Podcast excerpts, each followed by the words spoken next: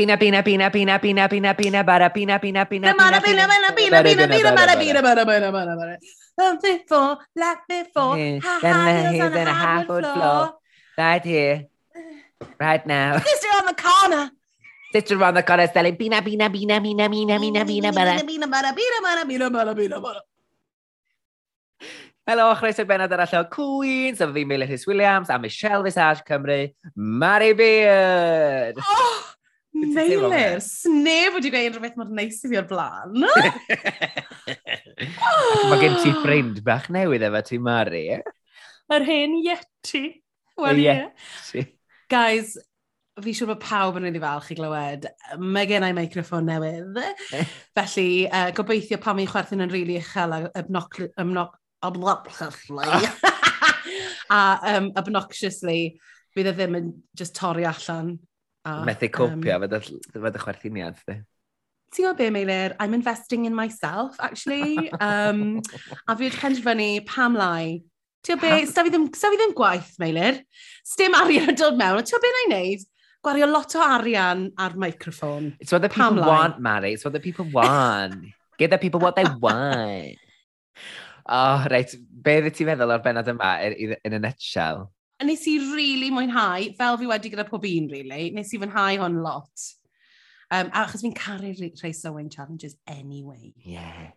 Efo penod fel un, lle mae'r dasg yn reit, ytha, mae jyst ar gyfer yr runway, mae'n e lot amser i gael cynnwys ar ran i gweld i perthnasau nhw fe gilydd, a gweld nhw'n dod i'n apod i gilydd ac yn... Ni'n cael cyfle i ddod i'n apod nhw hefyd.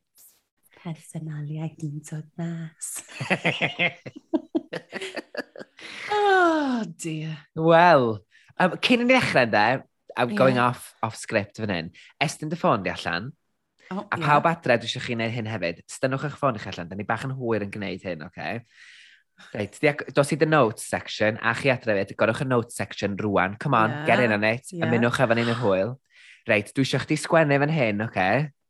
Predictions top 3. Queen pa Queen sy'n cyrraedd y top 3, a wedyn dwi eisiau chdi ddeud pa un yn nhw sy'n mynd i ennill. Okay? So Be, dreid... all, all, all together? I gyd fe gilydd, so pwy, pwy di'r top 3 sy'n mynd i fod, pwy fydd yn dod yn top 3, a pa un a heine sy'n mynd i ennill yn, yn dy dyb di. Oh, yes, gen rai. Sa'n cofio pwy sydd yna fe nawr, Meilir? Dwi'n neud, dwi, dwi neud yr eiliad yma. So, um... O ti di meddwl yn barod na pam? Na, dwi ddim. ond i ti'n gwylio fo gynnau, ac o'n i'n meddwl, o, sgwni pa un. Ne, ne. Hello. So, reit, ti wedi gorffen na? Safio heina wan, a nawn ni drafod heina um, yn y benod, well, y ffeinal, basically, a gweld os oedden ni'n gywir neu beidio. os oedden un ohonyn nhw dal yna. Yeah. Wel, be ni drafod y benod yma? So, ar y dechrau, da ni'n cael rwpa, rwpac. Cousin Tupac! Oh my wow. gosh. Wow. So, da ni'n cael rwca o'r wythnos dwytha ac yna Crystal ennill a bechyn nath Electra Fence adael. Ac y neges ar y drych nath i adael oedd, I couldn't reach, only joking, love vanity. Nath hwnna'n neud i chwerthin. Bechod. Ond hefyd, wel, o leia bod yn, twyd, di torri lawr o'r speech gethon ni pan oedd i adael. Nice and concise. Sydd bellach yn legendary y speech na. Mae gen i t-shirts yna fo. So, mae yna lot o sylw wedi cael pawb yn cytuno fyny bod o'n um, bod o'n speech bach werth chweil. A wedyn, ar ôl darllen y neges ar y drych, mae'n ymdeister fatha soffas, a ti'n meddwl, nath hwnna i fi chwerthin o'r treitha fatha, fatha Oprah mynd, so, nath rhyw Paul ddeud rhywbeth reit dramatig ar, er, ar y llwyfan, sut wyt ti'n teimlo Victoria Sgon am dy goes? O, it's yn hilarious, fatha bod i'n holding court efo'i merched i gyd. Yn gwybod, a wrth gwrs oedd Victoria weid, this didn't fit in her fantasy, y gadael a, a, a, a brifo'i choes hi. Um, a wrth gwrs, nath pawb sort of mynd, oh, well, it's not over yet, and nath i wneud joke, um, not over to the fat lady sing, as Crystal says, and nath hwnna really neu fi chwerthin, achos they've worked it out, maen nhw wedi siarad amdano fe, a nath they just clirio'r air. Let's make a joke um, out of it, yeah. Exactly, exactly. A oedd y do, o'n ni'n meddwl, o'n i'n bach yn sioct pan oedd Scarlett Harlett ddod at, ddod at um, charity equates yn gweud, e, I thought you were going to be lip syncing. O'n i fel, woo, okay, bold, pam oedd angen iddi fod ddeud hynna? Pam oedd angen iddi just... Ddim cwet yn siŵr. O'n i'n meddwl bod o'n bach yn cati. O'n i'n meddwl bod o'n bach yn cati hefyd, achos, wel, ni wedi trafod yn, yn mewn man, manylder helaeth am siwt i ni'n meddwl dyle Charlie Kiss ddim wedi bod yn gwylod. Mm -hmm. Ond falle bod e'n justifying eto pam oedd hi'n y gweilod, I don't know. Yeah. Wel, mae hi'n fore newydd yn y workroom ac mae'r Queen's yn dod i fewn ac oedd e ti'n gallu deud o'r ffordd oedd nhw wedi golygu fo, oedd o'n mm. torri'n sydyn ein i'r llall, oedd ti'n cael gweld llun cyflawn o'r Queens efo'i gilydd. So gafon ni'n gweld os oedd Victoria Sgon dal yno. Ond o ti yn gallu kind of gweld. Oh wait, she ain't there. A mae'n neges ar y teledu. Her Majesty already done had hers is. Hello, campers. Is that a pole in your tent, or are you just happy to see me? Listen, I'd love to stay and chat, but I've got some morning wood to take care of. Chop, chop. Ac mae rhyw Paul yn dod i fewn i'r sefell eto, fath Austin Powers. Yn edrych, o, oh, ni'n meddwl bod yn edrych fel Dick o Scooby-Doo. Fe Dick o'n nhw? E? Oh my gosh, oedd, y lliwi yna. Dwi'n mwyn cofio beth yna fo. Dick? We'll go with Dick. Dick. A wrth gwrs mae hi'n, she breaks the bad news, mae Victoria wedi mynd, sydd yn really, a nath hi weid sort of, I sense we haven't seen the last of her. O'n i'n meddwl bod hwnna'n turn y phrase bach yn odd, sort of, achos nath, um, nath Veronica cael open invitation yn do, to return at any point, so yw i'n dod yn ôl hwyrach yn y gyfres, is that, which, sa'n so siŵr bydd hwnna'n mynd yn dda, lawr yn dda iawn gyda y fanbase. Dwi'n meddwl bod hi'n dod yn ôl. Dwi'n meddwl bod hi'n dod yn ôl wanagu i'r gyfres yma, ac dwi'n meddwl hefyd, dda, dyna pan oedd rhyw Paul ddim dweud, and I've given her an open invitation to the next series, dda, da ni'n gwybod bod y gyfresu sy'n mynd i ddod allan, sydd yn transatlantic, lle mae gen ti rhieni nesau o fan hyn sydd wedi draw i America, ffilmio rhai efo rei American, wrach fyna wahoddiad i fod mewn cyfres sydd yn mm. cymysgu'r franchise i gyd fe gilydd. Lle. Fi'n rili really gobeithio geith i ddod nôl um, yn y gyfres nesaf, achos we can't leave it on that dress. Dwi'n meddwl bod Victoria Sigan yn gwybod rhywbeth da ni ddim. That's all I'll say. Ah, the tea is scalding. Well, watch this space. Ond yn anffodus, bydd i ddim yn cario ymlaen yn y gyfres yma yn ôl bobs yn ôl byd ni'n gwybod ar y funud sydd yn really drist, actually. Actually. A wedyn um, ni'n mynd mlaen i'r mini challenge. Bydd e toxic masculinity, what was it called? Oh my god, o'n i'n lyfio fo. Oedd e'n hilarious. Bydd oedd enw fe, ti'n cofio? Grinder, na uh, na Finder. grinder. Beth oedd e? Grinder? Na, Mari, that already exists. Ar gyfer dynion straight, ambiguously curious, who just can't seem to find the right girl. Oh my god, oedd e just... Oedd hwn yn, another, un arall crazy, ond nes i really fwynhau. A nes i weld, nath ni preemptio Dyn ni preemptio gymaint ar gyfres mae Mari, a dyn wedi gwneud fideo at ah. y oh. Nath ni edit bach ar ni'n bod yn rhan, led, led, led. Gwybod! Yeah!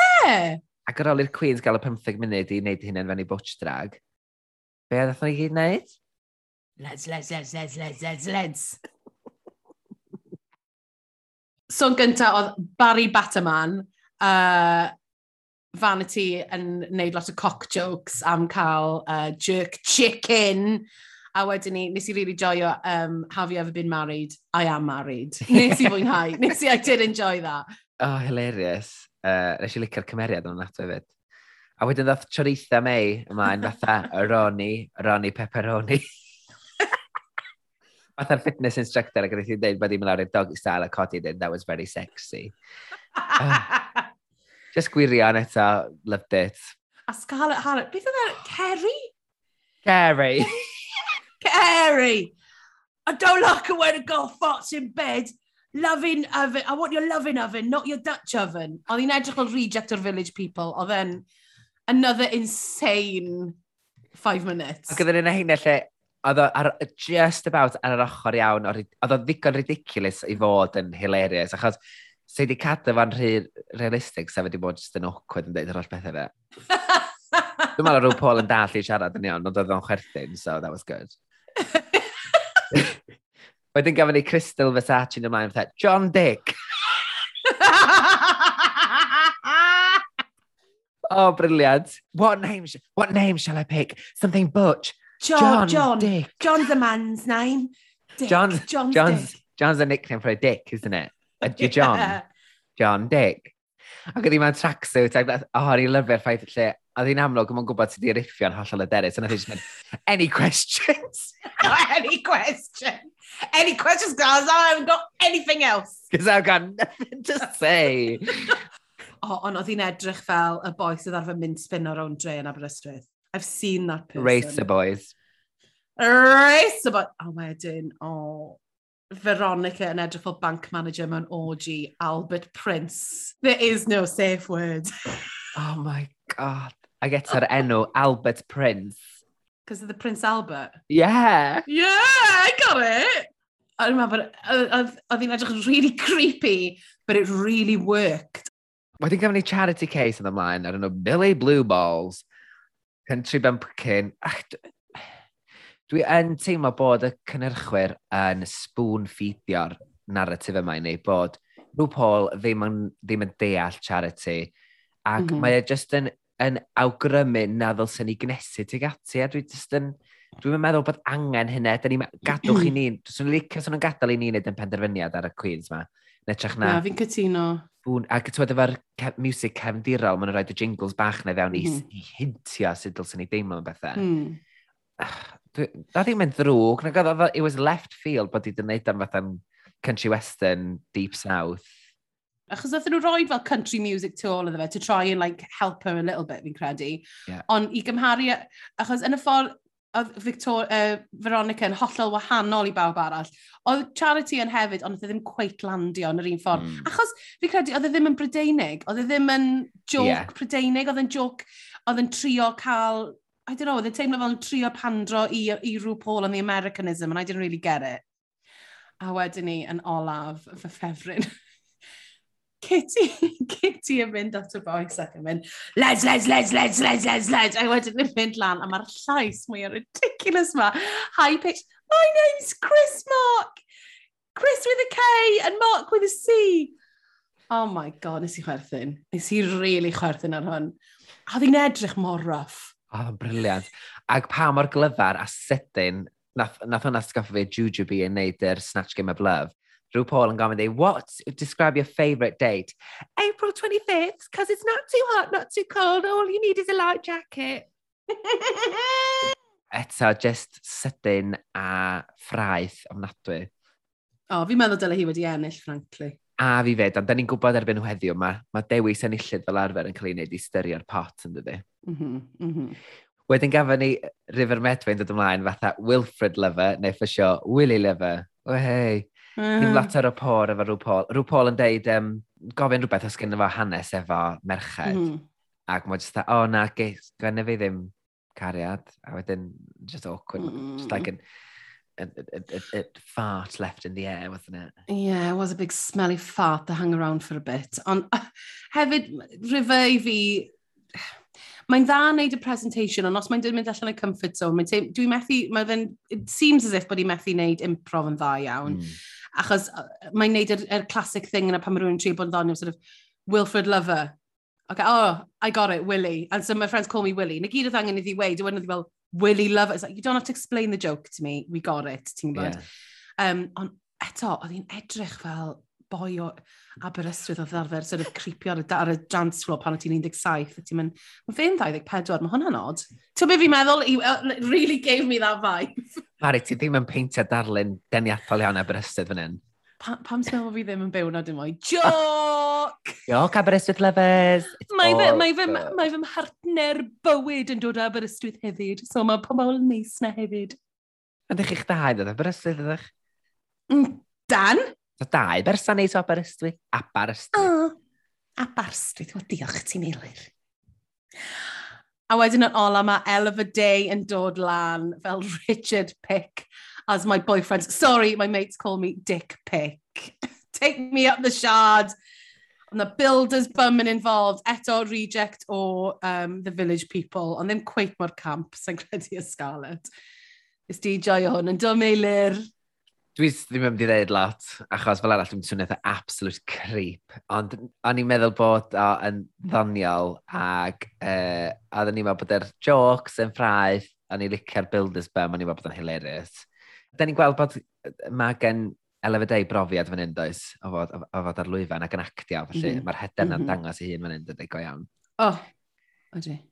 Da ni'n clywed gan rhyw Paul mae yr enillydd yr uh, challenge fach yma, ydy, yr mini challenge, ydy Scarlett Hallett, a mae hi'n ennill 15 eiliad head start yn y challenge nesa. Sef the maxi challenge, sef dod lawr y runway mewn outfit, um, maen ma nhw wedi dod efo nhw happy camper, a wedyn ni, mae rhaid dyn nhw'n wneud um, campfire couture allan o um, defnyddio, maen nhw wedi sort of syfio mewn i ochr y stafell sy'n edrych fel uh, camping set-up efo, efo um, barcud a pebyll a stecs, basically. Twyd yr er, disgrifiad, yr, er, er, y dasg yma gan rhyw, o'n i lyfio bod wedi rhaid um, ar, un, ar gyfer y look cyntaf, Happy Camper, a fun drag look you might see while walking children in nature, reference bach nôl i um, Tammy Tammy Brown. Tammy Brown. Pan nath yeah. weiddi ar RuPaul. I don't see you walking children in nature. mae Tammy Brown, allai wneud podcast just ar Tammy Brown i hynna, achos mae hi just yn... Y blaned arall. Planet Come Tammy, on, Teletubby from Mars! Teleport us to Mars! A wedyn mae mae Scarlett Hallett yn cael 15 eiliad head start, dydy, felly i fynd i ddewis i'w offer, so mae hi'n rhedeg, mae godi rhedeg. o rei yn y hun yn dod dydda gymaint o lawenydd i fi. Fatha, ryw, fatha Bambi bach. Wedyn tynnu'r er barcud lawr, a wedyn creu reol llanas. It wasn't me! A wedyn ni, y Queens eraill i'n rhedeg mewn a just absolute fucking carnage, fel, fel arfer be, be nes i really joio a ganol y carnage mawr yma, oedd Kitty yn bit o marshmallows. Just like, what am I? Na, nes i really joio'r bit yna, as per. Um, wedyn ni, ar ôl y bit yma, gathen ni sgwrs eitha hir rhwng El of a Day a River Medway am y wisg oedden nhw eisiau gwneud. O'n i'n meddwl bod y sgwrs yma yn eitha od, achos oedd e mor hir, A e ddim fel oedd e un o'r ddwy sort of wedi dod yn top a bottom, really. So o'n i just bach fel, oce, okay, fi'n dod i meddwl bod fi'n dod i nabod nhw, ond ar yr un pryd o'n i just bach fel, nothing's been said. Na, ond oedd o'r classic sgwrs na dyn ni'n cael mewn, mewn mm. sialensau fel hyn, lle maen nhw fatha, mae River yn gofyn, beth ti'n neud? Beth ti'n dweud hyn newid? OK then, o pob look i ti. A wedyn mae'n sy'n creu'n bach o... Red herring. Ie, yeah, bach o red herring, lle mae'n gyrrych yeah. di fforcw i feddwl, ww, sgwnis di hyn ddim di lwyddo. Mm. A wedyn, o, so benes i fyna hefyd, Charitha yn disgrifio fatha bod i fo'r dyllian ma ar ben ffon a'r top hat a mae bren hi jyst yn anhygoel. mae, anyway. And I found an owl with a top hat. Great, da iawn. Dwi'n meddwl eisiau sylwi efo'r dasg yma, ynddo? Fel arfer, yn hanesyddol, mae yna wastad rai sydd yn hollol methu neud o. Ond dwi'n gwybod bod ni'n cael bach o narratif arall efo Crystal Versace yn y munud. Mm. Ond y gyffredinol, nath pawb fynd ati yn reit hyderus i fynd i greu gwisgoedd yn do. Oedd, oedd actually reit refreshing ac yn braf i mm. weld. Mm. A ti'n teimlo, o, dwi'n edrych ymlaen i weld be fydd hein di greu yw'n, achos mae pawb yn mynd ati yn ofnadwy o ddygyn. Ond fi hefyd yn credu bod nhw no, wedi cael blwyddyn yn y tŷ. A to fel, nath, nath Teresa, she understood the assignment, nath hi, nath hi wneud, I'd made a dress a day. A fi yn credu bod na mm. amser i wneud e, ond ie, yeah, ni drafod ymhellach be oedden nhw gyd yn meddwl nawr ar ôl i ni drafod pwy sy'n dyfa'n yr stafell nesa, sef Glug Raven. Ie, yeah. swn y drws o'n mynd. Glwng dwng. Efe? Glwng ding. O, da, da, da iawn, Eilir. Diolch. Um, so pwy sy'n dod mewn yr ystafell? Tu ôl i rhyw, ond Raven o gyfres 2 a All Stars. A hefyd hi sydd yn neud make-up rhyw Paul, sydd yn neud i fi feddwl falle bod hi wedi'n hofio'i palet make-up i hunan nôl yn America, a bod hi wedi penderfynu defnyddio palet rhyw, achos... Dwi, dwi, dwi, dwi, o'n i jyst yn sioct, dyna cwbl lle ddweud, pan eisiau weld i'n dod i fewn, o'n i'n sioct. A gweld i'n sefyll nos rhyw Paul. Mae cultural appropriation to, for fashion purposes, mm, does not sit right with me. A mae, mae fi yn credu bod yn problematic gyda Raven, achos dyn ni, mae, wedi, mae pobl wedi comentio arno fo iddi hi, a mae hi wedi dod nôl yn gweud, it's tanning. Nawr, mae tanning yn ffain, ond pan ti'n rhoi make-up ar dy wyneb di, you do have to think about it, fi'n credu, gyda'r gyda, gyda lliw ti'n rhoi arno. So, credu, I think it's problematic. A wedyn ni, wrth gwrs, dyn ni'n cael y chat yma gyda Rw a Raven. Um, a ni'n ffeidio allan bod Kitty wedi cael gwersi gan i, gan i nain, gan i mam gi. O'n i'n meddwl oh, hwnna'n oh, really cute. Um, Teresa wedi dysgu hyd y ti um, wnio. A wedyn ni ffeindio allan, ta Veronica nath wneud y ffrog amazing melyn tŵl nawth ys diwetha. O'n i'n meddwl bod hwnna'n impressive. Oh. Mae rai fi ddeud, chwarae teg i ddeud a wedyn ddoth Vanity a Crystal fyny at y bwrdd. Ac mae'r ddwy efo profiad gwnio um, o ryw fath, Vanity ddim efo cymaint, ond um, dal yn ddigon hyderus i allu gwneud outfit. Mae rhyw Paul yn ei rhybuddio hi i beidio mynd am yr, um, am yr containers bwyd ffoil, mm -hmm. yn enwedig ar ôl yr outfit arian nath i wisgo wrth ysdwytha. A chwarae teg, mae'n dda bod Vanity'n gwrando arni ac yn, ac mm -hmm. yn taflu'r er containers foil yma. Mae Raven hefyd yn rhoi um, cyngor iddi wisgo'n bach o highlighter ac i wenu wrth ddod lawr yr enwau. Dwi'n meddwl bod yna neis ar rhoi fatha mm -hmm. tips bach fel e o ran i, i helpu iddi ddangos i hun fwy ar yr enwau. Mm -hmm. A wedyn ni, uh, hang on, a wedyn ni ni'n cael the big meat. Crystal meets Raven. A mae'n gweud bod hi'n not a starstruck. A ges ti fel y vibe bod Raven bach fel, you stole my face, bitch. O ddim yn ffeis di gyfarfod Crystal na gael eitha. Hey, hello little boy. totally.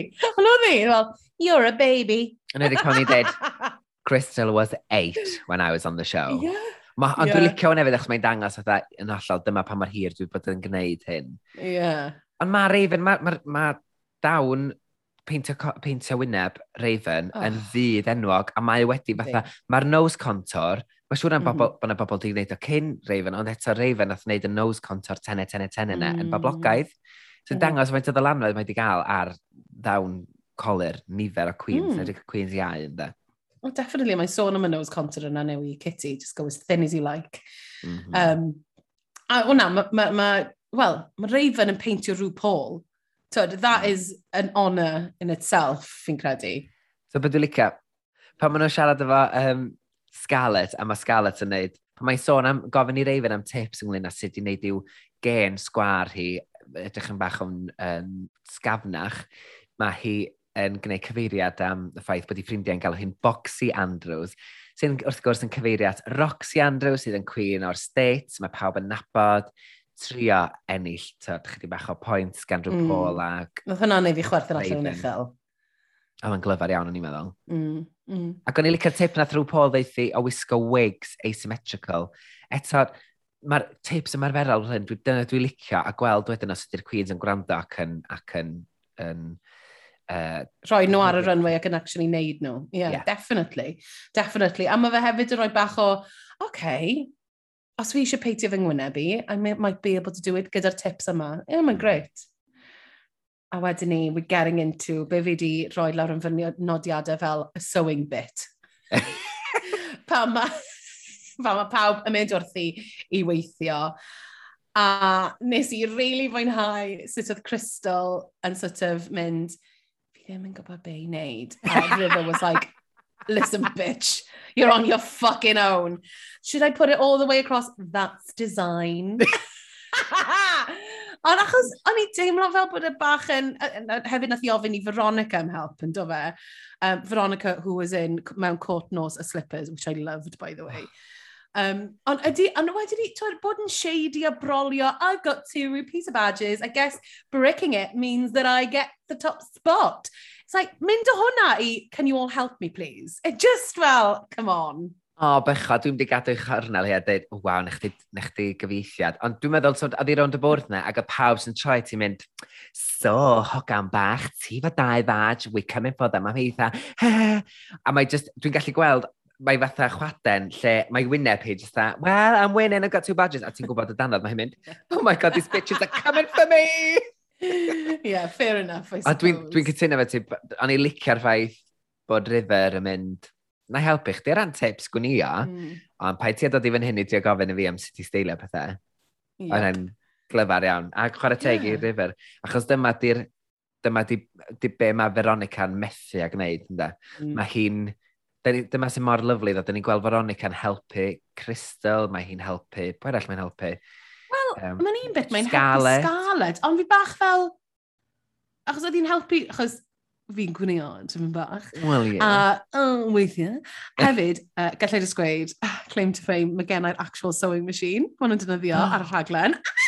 ond mewn lliw gwyn, dim mewn lliw llwyd. A ni fel, not gonna lie to you, nes i chwilio am beth oedd e, a ni moyn rhywun.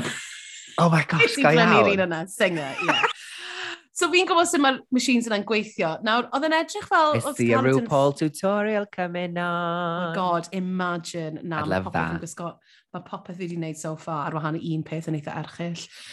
Bys y rhyw fel, I can see a wonky seam, so like, not for me. um, Ond oedd Veronica yn helpu Scarlett, ond o'n i, on i bach fel, na, bod i'n neud yn oce, okay, actually. Fi'n siŵr os, ma, os oedd i angen yr help. Ond mae'n teimlo fel bod Veronica fel, I'm here to help everyone. Pan o'n yeah. i'n meddwl, I don't think you... Wel, wrach na, ond dyma di peth, ti'n edit, dyn ni'n gweld, wrach na jyst rhyw sgwrs gyffredinol yeah. am o'n i oedd hwnna'n der, chos yn edrych, fel ti'n dweud, ti'n gweld yr yr patterns oedd gen Scarlett diw torri allan yeah. a gyda fi pinio nhw. Fatha, oedd hi di ymarfer gwneud, dwi'n meddwl, oedd hi di ymarfer gwneud y ffrog na cyn dod, sydd yn beth Definitely. clyfar iawn i wneud, achos mm -hmm we'll get to it, ynda? Ie. Yeah. A hefyd, oedd gen i hi batrwm. So ti'n gweld mm. y peth oedd hi di, that's a, that's a dress pattern, ti'n cael mm. hwnna i wneud ffrog. So nath hi ddod efo hwnna. Ti'n meddwl? So, Dwi'n meddwl. Wel, oedd yn edrych fel ni. Wel, oedd hi bendant efo'r syniad o sut oedd gwneud y patrwm yn y be bynnag yn doedd. Yn union. Achos, i fod yn hollol onest efo ti, ti methu, dwi ddim, ti methu just neud patrwm. Mae fe'n edrych yn hawdd, ti ddim yn gallu neud e efo, efo proportion, ar wahan bod ti'n gwybod yn union beth ti'n neud. Yeah. So fi'n teimlo falle nath i ddod efo fe, which is fine, do you know, fair yeah. game. Yn hollol, On, she's oh, ready for it. What, oedd gweld Kitty yn trio roi y bobyn ar yr thing, nath o stresu mas achos o'n i'n meddwl, beth ti'n neud? Ond hefyd mae'r ffaith bod hi'n ffeindio fan... Yr ffaith bod hi'n ffeindio fan hollol hilarious oedd yn briliant, o'n i'n meddwl. Sôn am Kitty, gafon ni wedyn un o sgyrsiau. Oh. Un o, un o ddarnau pwysica yr rhaglen, dwi'n meddwl, y sgwrs rhwng mm. Kitty a, a Charity. Beth yn neis oedd gweld, uh, dod i'n abod y ddwy chydig bach yn well, ac drwy sgwrs nhw, dyn ni'n cael clywed am y ffaith nath Charity contractio HIV yn ddeunaw oed, ac mm. sut brofiad oedd hynny ddi hi Um, ac yn gorau delio efo'r stigma sydd dal i fodoli ynghylch pobl sydd yn byw efo HIV. Ac dyma un o elfennau fwyaf pwerus yr rhaglen yma ydy, o dan yr glamour a'r glitz a'r cattiness a'r tiwad, y drama i gyd, ti'n cael sgyrsiau hynod o bwysig sydd ddim yn cael lot, sydd ddim yn cael lot o airtime ar deledu. Ac wnaeth i gyfer cynulleidfa iau sy'n gwylio dwi'n dweud, ia, ni'n dymaru. Sy'n gwylio'r hmm. rhaglen, mae o'n gyfle i addysgu am bynciau sydd falle ddim yn cael lot o sylw yn ysgolion. Hmm. Fatha'r mm. ffaith, twed, mae, ma Charity'n deud, dwi'n byw efo HIV rwan, dwi'n mm cymryd tri tablet y diwrnod sy'n golygu bod yr viral load ganddi hi yn undetectable, sy'n golygu mm -hmm. hi methu pasio'r virus ymlaen. I'm going to say, it once more for the people in the back, undetectable equals untransmittable.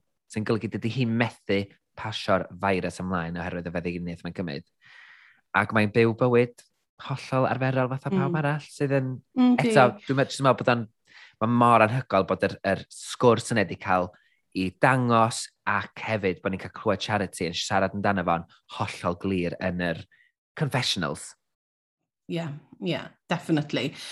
A to be fi'n credu oedd yn bwysig iawn hefyd oedd yr ffaith bod hi wedi gweud bod hi'n teimlo yn rili really anodd i fod yn agos dy rhywun, dim achos yr HIV, ond bron achos y trauma o be ddigwyddodd iddi hi'r noson yna, a be ddigwyddodd iddi hi pan oedd hi gael um, yr, um, y diagnosis a yr abuse mae'n cael achos o hynny, achos mae'r stigma, stigma mae dal i fod a sut oedd hi'n teimlo'n incredibly unig. A oedd hwnna just yn, oh gosh, oedd hwnna really, really toucho fi, a si really well o lan yn y bit yna, achos oedd yn, achos mae y stigma mae dal, it's still around, Mae still, mae still o gwmpas. O, oh, massively. Fatha y sgyrsiau ti'n cael efo pobl ar grinder.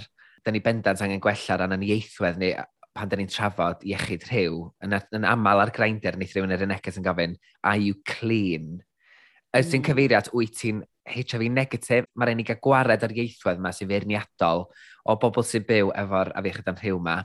Um, ag, a beth yn neis hefyd, da ni'n meddwl o'r ffordd o'r Kitty wedi, wedi cysuro charity mm. ac eto dwi'n bob, mae bob eiliad dwi'n gweld, o, Kitty Scott Close ar y teledu yma, dwi'n syrthio mewn cared fe fwy a fwy a fwy. Mm, a fi. A roed yr sort of gofod yna iddi hi allu siarad yn agored a sort of ddim interrupting, not trying to do anything, just yn gadael iddi siarad. A dyna'r peth gorau fi'n credu allai wneud yn y, yn y sefyllfa yna. If you don't know, let someone speak about it. Also, side note, fi'n obsessed gyda earrings uh, charity case. Yr er bananas amazing yna. O'n i fel, fi moyn, no, maen nhw'n amazing. Hefyd, fi'n gwybod, fi gwybod we all know this, ond mae gymaint o tattoos gan hi, sort of ar ei gwyneb. Mae'n amazing sut mae'n gallu just cyfro nhw lan efo'r make-up na. Mae'n amazing.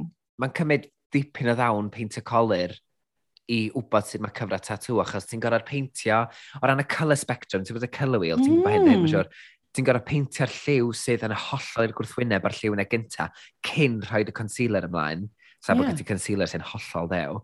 Ond ie, fel ti'n dweud, mae'r ffaith ma sydd mae'n gallu traws newid i hyn yn hollol, hollol yn hygol. Achos mae'r ma, fel un ar ei boch chi efo'r um, esgyd yna mor glir mae'n edrych yn eitha ffres, a mae jyst i mm. allu, ti'n mynd gweld hwn ar y runway bron. Na. Ond i'n meddwl bod yn, yn amazing, anyway. Ac hefyd, dwi'n falch bod ni wedi cael, hefyd, dwi'n falch bod ni wedi cael y cyfle mae jyst i ddod i'n abod charity, a gweld mm. ochr ddiniwed fwy fynrybl o'n hi, cael clywed mwy amdani a dod i'n abod i stori hi, dod i glywed i stori hi, sydd yn hyfryd, yn enwedig achos o'n i'n deud bod fi'n reit rhwystredig efo sut mae'r gyfres wedi bod yn, dwi'n gwybod, yn trio hintio bod, bod, bod, bod ni'n methu cysylltu efo i. So mae'n neis gweld yr foment yma, gweld ydy'n nabod ni'n well. Yndi. A wedyn ni, all of a sudden, it's day two, elimination day, runway day. A ni'n gweld bod River wedi penderfynu, na, fi dechrau o dechrau, a sydd yn sort of peri gofid i ni. Um, a mae'n cael y sgwrs am, am eto gyda Elva Day, nes ti sylwi? Am pan oedd River fel, oh no, your, your outfit looks good. Mae Vanity i'n edrych draw fel, beth? Nes ti'n notice hwnna? Ti'n really joio. Cer ôl i watcho, achos mae yna un, mae just un shot ohoni hi'n edrych fel, you for real. Rili neu fi'n teclo fi. Rili neu gwerthin. Dar arall eisiau fwynhau dde, pan oedd Scalas Halas mynd at Kitty Scott Claus i bitio am Crystal, mynd, oh my god, look, oh. she looks like a walking bacteria. A mae Kitty just yn ah, cario ah. mlaen i tacio i gwis, a mae'n just yn mynd, yeah, but it's... A wedyn, mae'n just yn deud fatha, yndi, ond mae dal yn edrych yn anhygoel. A wedyn mae Scarlett, oh yeah, yeah, of course, very, of that, yeah, yeah, yeah, yeah, yeah, yeah, of course, of course. A ni'n meddwl bod o'n very, they're classy, oh, Kitty, just mm. mynd there, mm. okay, I'll join in the banter and then I'm going to just U-turn this conversation yeah. back to, achos, nawn ni ddod at yr looks ar yr enwau wedyn. Mm -hmm, mm -hmm, mm -hmm. Ond da ni yn gweld bod Veronica oh. ar ei hôl hi, gradures, a'n deud fatha, oh. dwi'n hapus efo'r design, ond dwi ar ei hôl i ar ran yr construction, ac, o, oh, bechod full scale panic. Mm. Just sort of ar y llawr. Torri stuff fel, I'm behind! God, all right. A wedyn mae Crystal yna fel, yeah, I've done it all myself. I mean, I got some advice from you, but I think I've done great. I'm absolutely fine and I'm ready. I'm literally ar y llawr yn scramblo trwy'r peth yma'n trio sticio nhw ymlaen. Hyd yn oed pan maen nhw'n mynd yn barod o'r make-up nhw arno, mae hi dal yna'n sort of glidio pethau Oh, Achos Fedri di'n beio Crystal, mae Crystal, mae, hi, mae Crystal eisiau no. outfit i hi hun sydd ddim wedi gael hi drwad o'r, da, drwy'r dasg yma i'r wythnos nesa, that's what she's done. She's Ac done Veronica got side, side tracked a wedi bod yn helpu pawb eisiau, eisiau dangos bod yn gallu helpu a gwella dangos i'r camera. So, sbiwch dwi'n gallu bod yn berson neis sy'n lyflu, ond yeah. mae yn y foment yma lle mae'n scramblo ar y llawr. Oh, bless her. Ond nes i oelio hwnna, just meant, oh, Wff. O, dwi'n gwybod. Wff. O, diar. Oi, oi, oi, oi. Ti'n bod o be ni'n gallu weld am anem, o, falle wneud hwn dre allan fod yn hollol anhygoel. We, we. Den, den, den, den, den, den, den. Den, den. Den, den, den, den, den, den. Put the bass in your wop, act it. Let your whole body tag. Gan i sôn am look rhyw pol i ddechrau fai, yr oh, wig cwta ma, llawn foliwm efo curls bach wispy, oh a'r um, er, ffrog maxi, y grisian, aspid mm. yellow ma, fatha, oh. Gyda cut-out yn y canol, oh! Lemon drop. Oh, oedd hi'n edrych yn stunning. O licen a lemon drop. A, lemon drop. Mae ma, fatha bod hi'n mynd i edrych yn iau. I, I mean, know, I know she's been on? she's been touched by an angel, if you know what I mean. Her face has been touched by an angel. Ond mae just yn edrych... Angel. Eh? Ai? Dr Angel. Dim, dim byd, nes i just dweud Dr Angel. Ddim reswm. And I want his number. oh, I just, dwi'n meddwl bod y colir hefyd, sbio di'r siap yr wefus, mae Raven mm. yn gallu, oh, mae'n peintio hyn anhygoel, a mae just yn mm. edrych fatha diwies. Yndi. Wel, na ni. Be ti'n meddwl, be ti'n meddwl be oedd Michelle yn gwisgo? Nes i licio gwallt ti, be ti'n meddwl o'i ffrog hi?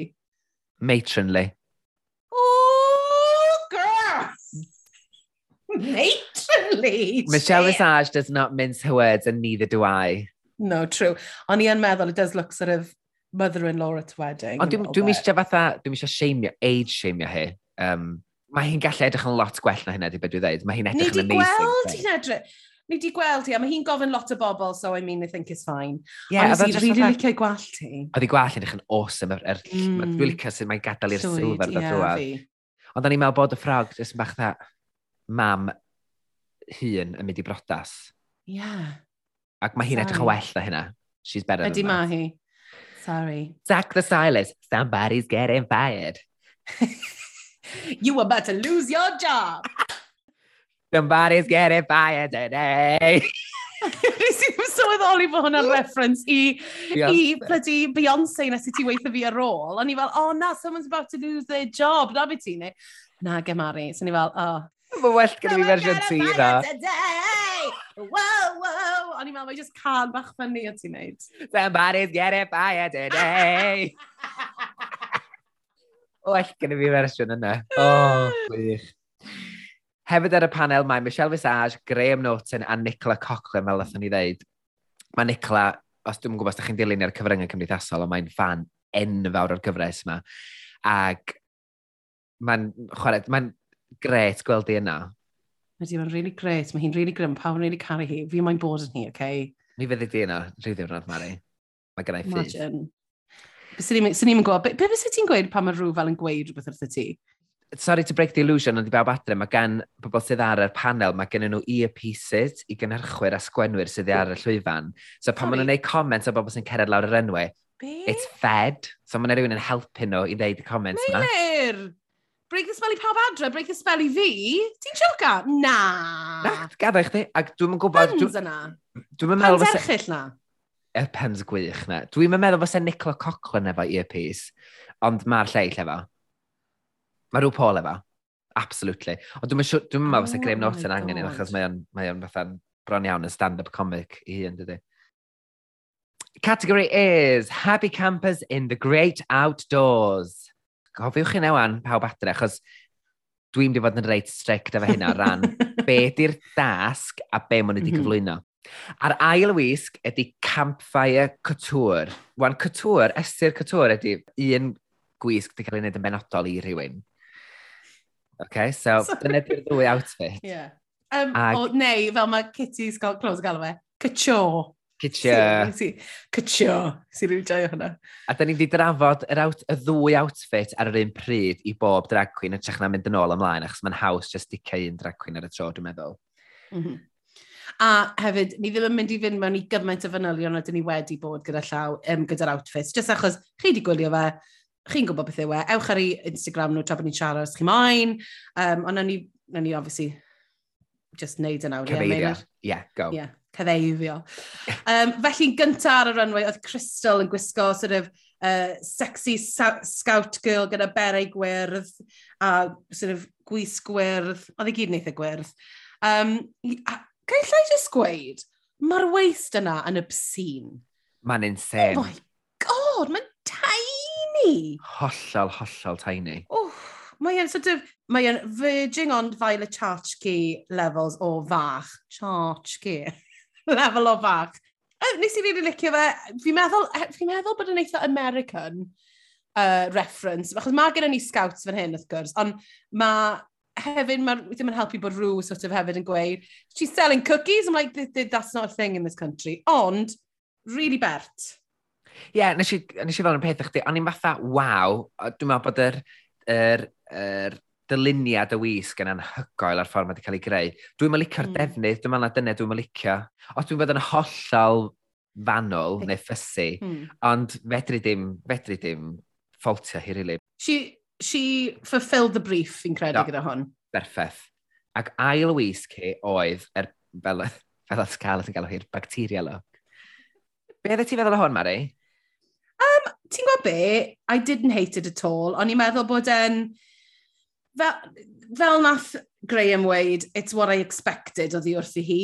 Sy'n ni'n gweud bod e, oedd hi sort of, this is the, nobody's ever come down the runway with this kind of thing. A ni bach fel, well, it's very aquaria, yn enwedig gyda'r glasses yna, a mae vivacious hefyd wedi dod lawr gyda spikes. I mean, not, not as uh, falle fashion-esque. Oedd hi make-up hi'n amazing hefyd. Wel, dyma be ni'n wedi dweud ydy, so nes i ddeud wrth dweitha, dim ond yn gallu gwneud un wyneb o ran peint y colir. Wel, yn amlwg, mm. mae'n di dangos fan hyn bod hi'n gallu gwneud, to, bod hi'n ofnadwy o, o dalentog o ran peint y gwyneb. Mm. Be dwi'n licio hefyd yn de, dwi'n meddwl bod i penderfyniadau steilio hi mm. mor mor dda ac mor um, ofalus. Pan dwi'n meddwl cotor, dwi'n sbio ar hwn ac i gymaru efo'r her ffrog eraill da ni'n mynd i weld neu'r outfit eraill, mae hwn yn deud cotor wrtho fi. So eto dwi'n meddwl, hmm. she fulfilled the brief. Yeah. Yeah, I think she fulfilled the brief, ond sa'n meddwl she nath i wneud yn rhywbeth particularly... Groundbreaking. ...gwahanol neu, yeah, groundbreaking, yeah. O, oh, wedyn ni nesaf, mae gennym ni Skitty...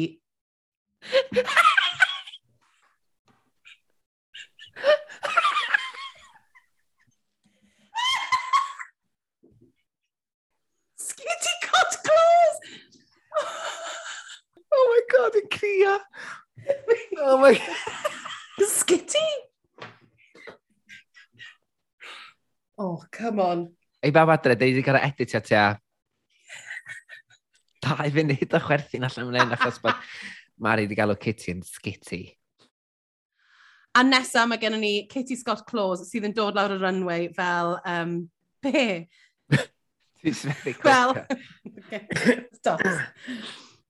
A nesaf mae gennym ni Kitty Scott Claus sydd yn dod lawr y runway fel Barbara Windsor um, yn reffrisio Carion Camping. Dyma dwi'n wrth y modd efo'r look yma gan, gan Kitty. Da ni'n gallu gweld bod yna ddylanwad Scout Girl yma, mm -hmm. sydd hefyd yn plesio yn gwylwyr neu dros yr, yr môr yn America, wrth gwrs. Ond mae mm. wedi wreiddio gan ysbrydoliaeth Saesneg, ynddo, gan y Carion mm -hmm. Films. A, a ti'n gweld mae'r wig yn debyg i Barbara Windsor efo'r pigtails bach isel yma. Mm Dwi'n... Dwi, dwi, dwi, dwi wrth fy modd efo hwn, a mae well gen fi'r scout look yma na'n Crystal, believe it or not. Just achos dwi'n meddwl bod o'n fwy, mae o'n fwy trew i drag prydeinig sydd yn lot fwy campi a beth sy'n fwy mm. camp mm. na'r carion ffilms da. Mm. Yn union. A mae hi, obviously'n hoffi'r old school blonde ladies. Um, achos gethon ni, wel, mae'n mae, mae ca ca cadw roed y references yma i ni. A fi'n rili, nes i rili really fwynhau hwn. A wedyn yr ail outfit, the couture outfit. Be ti'n meddwl o hwn, mei? Dwi'n licio'r lliw rose gold yma. Mae wedi cael defnydd ofnadwy a fendigedig i weithio fa, er bod neb atrwm quilting yna fa. Dwi'n ma'n casau dwi ddim yn meddwl bod o'n ofnadwy uchelgeisiol. Yr unig beth sy'n chydig bach yn fwy fatha anturus yna fa, ydy'r un lawes yma sef a strap. Dwi'n cweit yn dall, dwi'n meddwl bod o'n edrych yn amazing, ond na, dwi'n meddwl bod o'n, dwi bod on gret. Be ddeth ti'n feddwl? Nes i licio fe. Mae'n neis bod ganddi hi sharp, mae'n cinched. Um, Mae'r ffrog i hun yn ffain, yn yw e. Mae wedi ma wneud ffrog, da iawn hi. Mae'r hem bach yn wonky, but we'll forgive it, ti'n gwybod? Nes i ddim meddwl bod e'n heiddi ennill, ond o'n i'n meddwl bod e'n awful. Ie, yeah, ffain, doedd. Ie, yeah, ffain, ffain de. Ffain de. Nesaf ar y llwyfan mae Charity Case yn yr, yn yr look, yr gwningen um, hollol ar swydus yma. Dyma dwi'n licio amdan hyd, mae mor, sef mor hawdd i hwn fod fatha'n calangeia, gwisg, ffansi, ond be mae'n neud, mae gen i jyst y manylion bach ma sy'n cadw fo o fewn realm drag. Mae di wneud miniskirt bach, mae fatha bod y gwningen mae di lladd scout girl ac mm -hmm. di gwisgo i gwisg he. A dwi'n meddwl... Ai gwallt. Mae'n afiach, ond mae'n anhygoel. Mae'n quintessentially charity case, mm -hmm. yr horror element yma, a I mean, I don't, I don't get camping from it. Um, I get killer rabbit on the rampage on of it, sydd yn ffain. Fi'n meddwl bod yn real uh, feat i ddod â peth, uh, dau beth hollol wahanol um, i'r runway. Um, achos mae'r ail outfit yma, mae'n edrych fel sort of Alice in Wonderland fantasy mewn uh, gingham melyn. Be ti'n meddwl o'r ail outfit yma, mei? Wel, fel da ni'n cael clywed, hi sydd wedi creu yr wisg yma o ddim byd. Mm. Mae wedi mae di gwneud corset sydd mor anodd. Doedd hi ddim yn, un o'n hoff outfit i, a eto fel ti'n dweud, pan nath i droi'r gornel, a ni'n gwybod na charity oedd hi, mae'r manylder a'r crefftwaith sydd mi fewn i wneud yr wisg ma'n anhygoel. Hyd yn oed lawr at y sgidiau, ti'n gwybod, efo'r um, styfr ffril bach. Mae just A ti'n mae'r gwallt yma, efo'r llew yma, I, I don't know, a fi'n meddwl bod e'n wych. Fi'n fi sioct bod fi ddim yn y top. Nath River Medway ddod lawr um, mewn ffrog wedi wneud allan o map uh, efo'r sort of, yr het gyda'r mosquito net o flaen e, bron fel veil. Nes i Nath roi Carmen San Diego vibes i fi. Nes i really fwynhau e lot. I fi, oedd yr defnydd yn amlwg yn un um, gwahanol, achos oedd o'n fatha, ti'n gallu dweud bod o'n rhyw ddefnydd stiff iawn o'r ffordd oedd hi'n symud. I fi, mae hwn yn wreiddiol iawn, a dyna be ni'n licio amdano fo. Mm. O ran, o ran yeah. uh, dyluniad, o'n y neb arall wedi cyflwyno unrhyw beth tebyg i hyn, ac o'n mm. i'n licio hynna. A efo'r ail outfit, o'n i'n meddwl bod yn amazing sut oedd wedi dechrau eto, oedd hi dal ddod lawr y runway mewn rhywbeth o'n i'n meddwl oedd yn elegant, o'n i'n meddwl bod yr, o, oh, gath hi real um, sort of present, really, gyda'r um, y defnydd yna. Oedd o'n beautiful. A oedd hyd yn oed, y sgert sydd oedd yn um, sort of wavy, oedd yn amazing. Oedd hi'n edrych sort of fel 1950s trolley dolly gyda het bach pill, pillbox hat ar y top. O'n i'n meddwl bod yn lyflu. A fi fed, fel ti'n dweud, o'n i'n licio'r patrwm a'r mynylder ar y defnydd. Mae oedd yn orffenedig ofnadwy yn doedd, oedd yn polished ofnadwy. Mm. Nath i gyflwyno cymeriad bach i ni. Um, crefftus iawn. Mm. A chweithus, sy'n mm. gweud hmm. Meilir, actually. Um, eto, o'n i yn sioc bod i ddim yn y, yn y o leia'n cael sort of judges critiques ar y pwynt yma. A wedyn ni, Theresa May, yn dod lawr y runway yn y thing glas. yn edrych fel y deryn glas a nes i gymryd loads, so fi'n fi, cymryd lluniau i edrych ar, ar, ar yr outfits yma, tra bod ni'n siarad. A nes i gymryd gymaint o lluniau, nes i gymryd pedwar llun. Fi'n credu'r rheswm nes i gymryd pedwar llun, oedd achos o'n i ddim cweith yn deall, o'n i ddim yn gobleu edrych. Wedyn ni, nath i siarad i'r judges a nath i roed y stori yma fa, I'm a rock climber. A ni fel, oh, Ond nath rhyw pos okay. rock climber. oh ie, yeah, mae hyn yn gwneud synwyr rwan, achos mae'n gymaint yn mynd ymlaen yn y wisg yma o'r o'r penwisg i'r hanner siaced, i'r corset, i'r straps, i'r bowling rwy'n di chanol hi. Ddwn i at hyn wedyn, ond dwi'n meddwl bod hi'n lwcus iawn bod hi ddim yn y gweilod. Oh, really? Wel, achos, os symudwn ni mlaen o'n i'r ail outfit, mm. hwyd i ddisgrifiad i ni, Mari? Um, so, meddwl oedd hi'n edrych cweit fel Villanelle o, o Killing Eve. Mae'n edrych mwy fel sort of Bond villain mewn porn film, sy'n ni'n gweud. Mae gen i hi'r uh, sort of y ffon yma efo, efo tyllu yna top hat yna fe. Nawr, o'n i ddim yn meddwl, o'n i'n meddwl war y teg iddi, mae ganddi hi material anodd i weithio efo, a mae wedi wneud ffrog sydd yn ffitio hi'n iawn. O'n i'n meddwl bod yn oce. Okay. O, Oh dear, ti ddim. Um, da ni'n casau o. Dwi'n jyst yn meddwl, um, oedd yr design yn bach yn dated, mae'n gwisgo hi'n mm. lot hun na beth hi. Mm. Mae'r ma, ma ffaith bod hi wedi gwneud ffrog sydd yn dod o dan y ben glin. Dwi'n meddwl bod yn edrych yn bach yn dated, ac hefyd, yn, falle bod o'r ffelt ma'n ddefnydd anodd i wnio, ond ar yr un pryd mae o'n ddefnydd y stori ar yr enwau pan wedi siarad efo'r beirniad nath werthu hwn ynda. Let's be honest. I, a dwi'n meddwl yr er, unig reswm mae wedi cael ei achub ydy yr stori nath i wneud o be oedd yr wisg yma, oedd yn hilarious. I found the love of my life and I went into his tent. Then he jizzed in my eye. My lover ran away, but I was blind. And I found this owl and he helps me see in the night. Nath hwnna, I mean, come on. Nesa'r llwyfau mae Scarlett Hallett, a'r wisg gynta mae'n dod allan yn dyfa, ydy y wisg mae hi'n disgrifio fatha Katniss Everdeen o Hunger Games. Mae o fatha rhyw wisg heliwr bob dim yn ddi. Ond ni'n licio'r ffaith bod ni'n gwisgo wig ddi. Ag um, Happy Campers in the Great Outdoors, oedd hwn yn tec gwahanol ar Happy Campers, achos heliwr fes ni wedi gael hwn, neu fatha, um, uh, su ddim superhero, ond rhyw fath o superhero. Ond bendant rhywun, oedd o bendant rhywun yn y gwyll, yn doedd? Oh, Wel, Sa'i ma, I, personally, o'n i ddim yn meddwl that this fulfilled the brief. Oedd e fel bod i wedi cael yr outfit yma, wedi mynd, oh, okay, na'n cael bwa saith, actually, a wedyn ni ddal o sort it out. Ond wedyn ni, nath i really sort of redeemed herself gyda'r outfit plaid beautiful wedi wneud allan o fleece yma. Oh! Oh my god. Be oedd yn mor lyflu am hwn oedd hefyd sut oedd hi wedi matcho yr, yr patrwm i fod yn sort of berffeth. A mae hwnna'n rili really bwysig fi'n credu pan ni'n sôn amdani hi yn contrast efo El of a Day, ond na ni siarad am hwnna mewn bach. Um, ond oedd yr silhouette gorgeous yma o, sort of, oedd hi'n edrych fel um, supermodel, o'n i'n meddwl, yn dod lawr y runway gyda'r eitha um, sort of uh, hun, uh, sort of patrwm. Ti'n byd fi'n meddwl, it was a real So ti gwisg, so rwy'n gwisgo hwnna fel um, scarf. Ti'n beth fi'n meddwl? It, it was lovely, I thought. O'n i'n meddwl bod i di the craftsmanship was beautiful. Nes i ar y selfie chdi'n dymaru pan tra'n i'n gwylio'r rhaglen. pan nath Scarlett dod allan, nath yng ngeni llythrenol ddisgyn.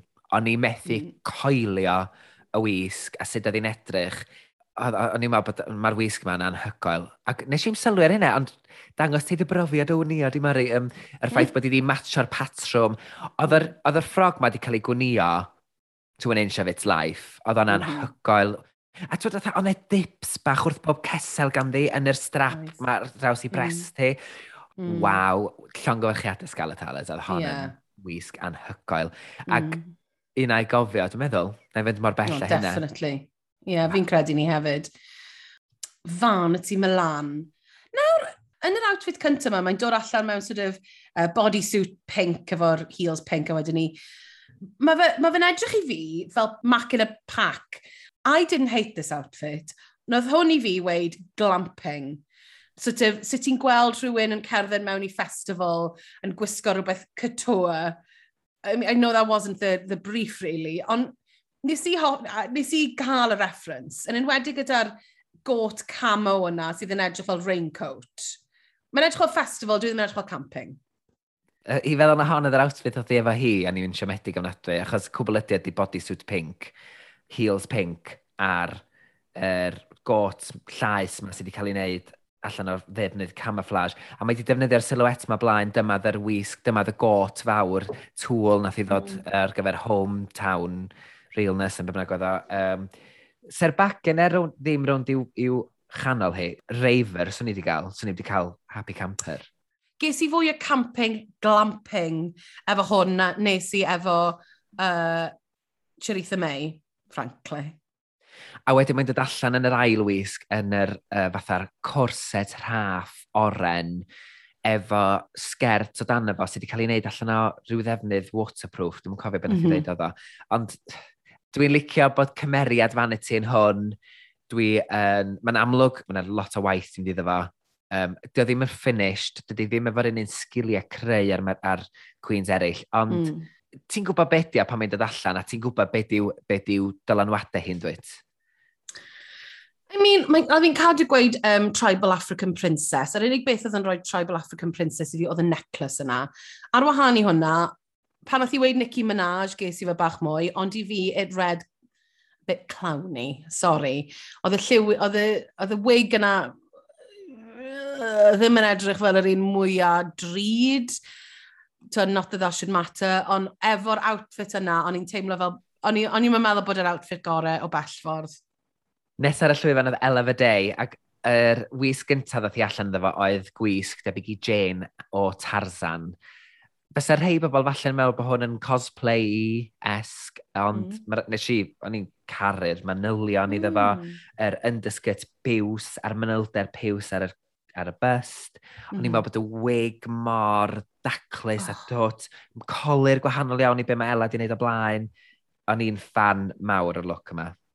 A fi, o'n i'n meddwl bod e'n really lovely. Oedd oedd e'n cosplay, ond mae hwnna'n ffain efo fi weithiau. Twyd, I, os, wyt ti'n gwerthu y fantasy fi, fi'n ffain gyda fe, a nath hi, ond oedd y wig yna yn, yn gorgeous pan oedd hi dynnu'r um, headband. A, na, nes i really, really fwynhau e.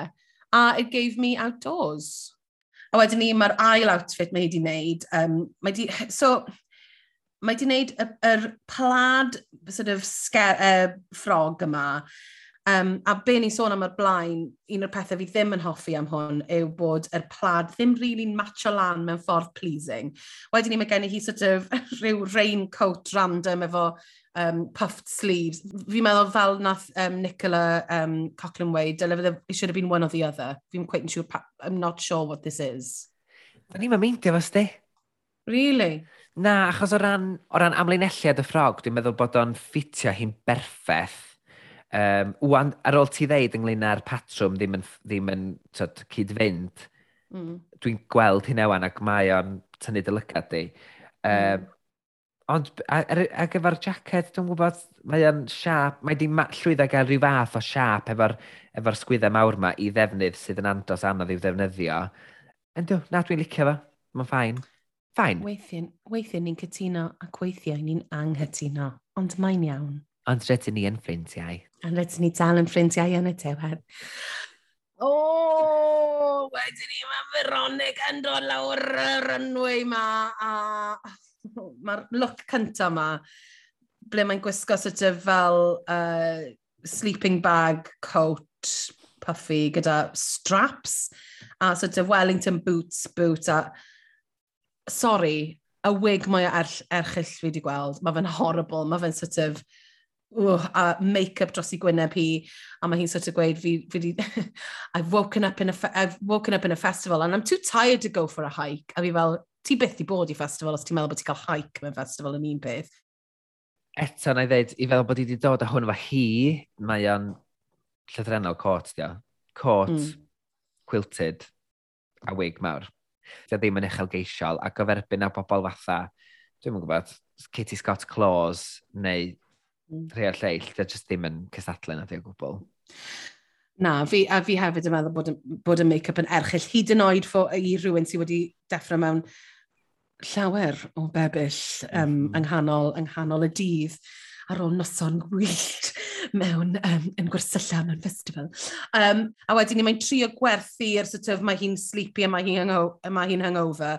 A sorry, not for me, not no. for me at all. Nes i really gysau yr outfit yma. Okay. A wedyn yr ail look, mae'r er ffrog hmm. hir amryliw efo'r adenydd barcud a'r colir oedd yr hanner gwyneb di. Um, ta be, controversial, nes i ddim cysau o.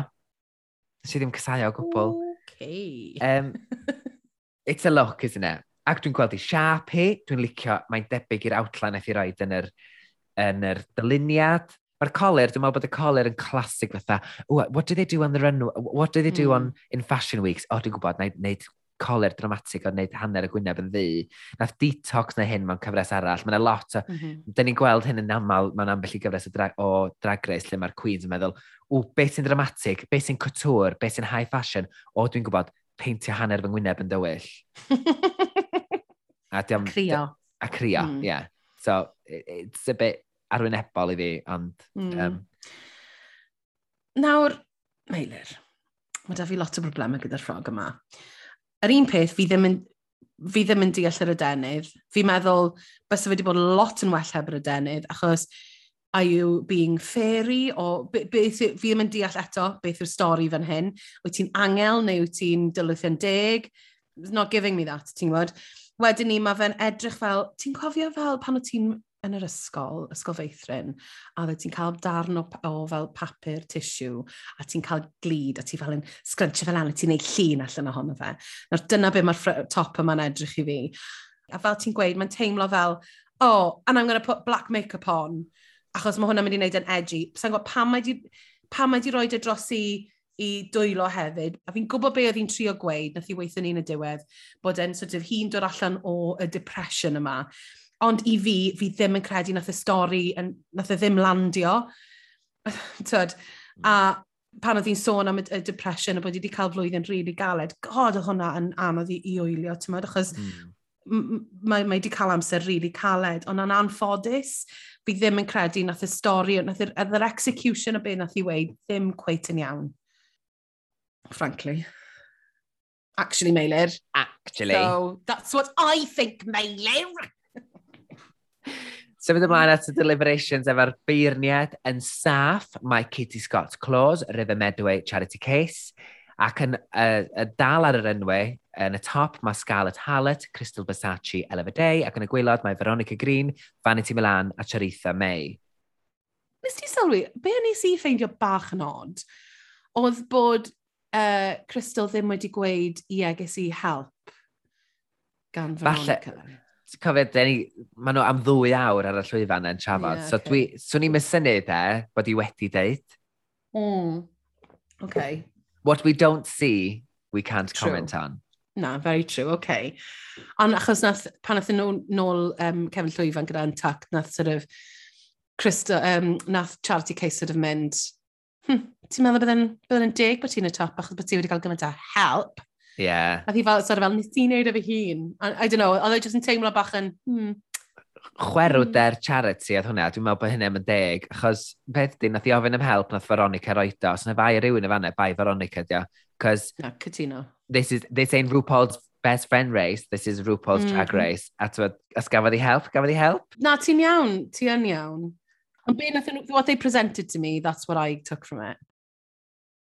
Ymlaen ni'r lip sync ac yr darn da ni'n glywed ydy I've Got The Music In Me gan The Kiki D Band a'r er ddwy sydd yn lip syncio ydy uh, Veronica a Vanity, Vanity Milan. Ac I just dweud, dwi'n lyfio'r ffordd nath rhyw Paul dweud, that the time has come for you to lip sync.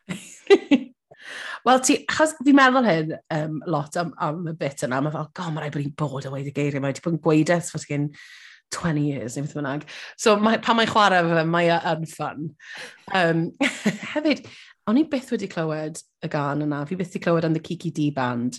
Ond, na, nes i really fwynhau y gan, actually.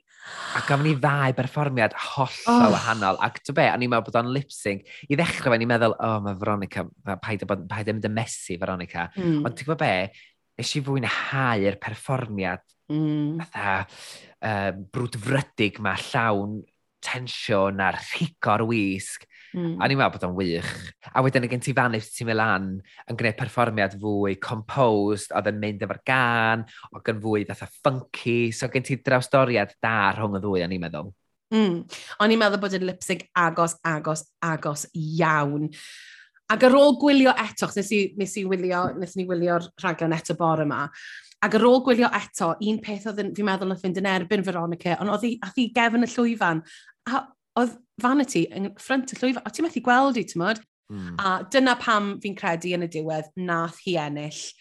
A wrth gwrs, amser trist iawn i ni gyd, mae Veronica Drian yn gadael ar ôl dod nôl cael ei redemption storyline o y gyfres diwetha. A mae hi yn sianteo y way Shant... Na. Sasheio. Sasheio. Aweio. Um, gan ddweud, well, that's it. Party over trwy oh. lot o emosiwn. Um, fi'n meddwl oedd e'n rili really anodd iddi hi sort of i adael, a wedyn ni pan mae'n sort of gweud, not like this, in this dress, with this hair. Oedd hwnna just yn, oh god, achos dyna pam oedd hi'n y gweilod in that yeah, dress. Ie, mae'n darcolonus, achos Ond un peth dwi'n meddwl falch ydy, dyn ni wedi cael gweld i chymeriad hi yn yr penodau mm. gyntaf mae gyd. Dwi'n meddwl y bydd hi'n, dwi'n meddwl y geith hi'r yrfa lawerchus, achos dwi'n meddwl bod yr gyfres di mwynhau hi o ran mm. ei chymeriad hi ac faint o galon mae di roed. Felly, pob mm. lwc i fod ani'n cael grin yn y dyfodol. Ynda? Pob lwc fi! A dyna benod arall drosodd. Ah. Ond nes i fwynhau'r benod yma'n ofnadwy, Mari. A fi. Mae'n wastad yn dda, sewing, achos ti'n gwybod, mm. it starts the week from the The wheat from the chef. The wheat, that's it. A nes di weld fydd y dasg wrth asesa, oh! y dasg um, bandiau pop. O, oh, gael i ysweud ddo, fi ond just wedi cael UK hyn allan am hen so fi'n rili really hmm. gobeithio fydd e ddim o'r ffucking catchy tro yma. A mae yna bwysau ar, arnyn nhw tro yma, achos maen nhw wedi cael mm -hmm. gan yn y ddwy gyfres diwetha sydd wedi cyrraedd y chartiau, felly gen i weld oedd wneud. Oh, oh, mwy, a mwy exciting nag unrhyw beth, Meilir mae Emma Bunton a Steps yn mynd i fod arno fe, fi mor excited. Spice Girls a Steps, mae'n un benod. Oh, I can't wait. Mae'n mynd i fod yn amazing. Fel ag yr arfer, diolch o galon i chi am wrando. Uh, da ni gwerthorogi yn ofnadwy yr ymateb da ni'n cael. It's quite overwhelming, actually, guys. Yeah, it is actually. A sa'n gwybod os ydych chi wedi clywed, ond um, ni yn rhif 8 yn siartiau review. Dim y main chart, the review chart a'r uh, yr unig un sydd ddim yn Saesneg hefyd yn y siartiau. Am hwnna diolch i chi, a diolch i chi, chi'n rili really neis. Nice. A um, yeah, cofiwch dilyn ni ar popeth a dweud wrth eich ffrindiau fel ein bod ni'n gallu cario ymlaen i wneud hwn. Hooray! Felly tan y benod thos nesa, hwyl ti gwyn! Hwyl ti gwyn!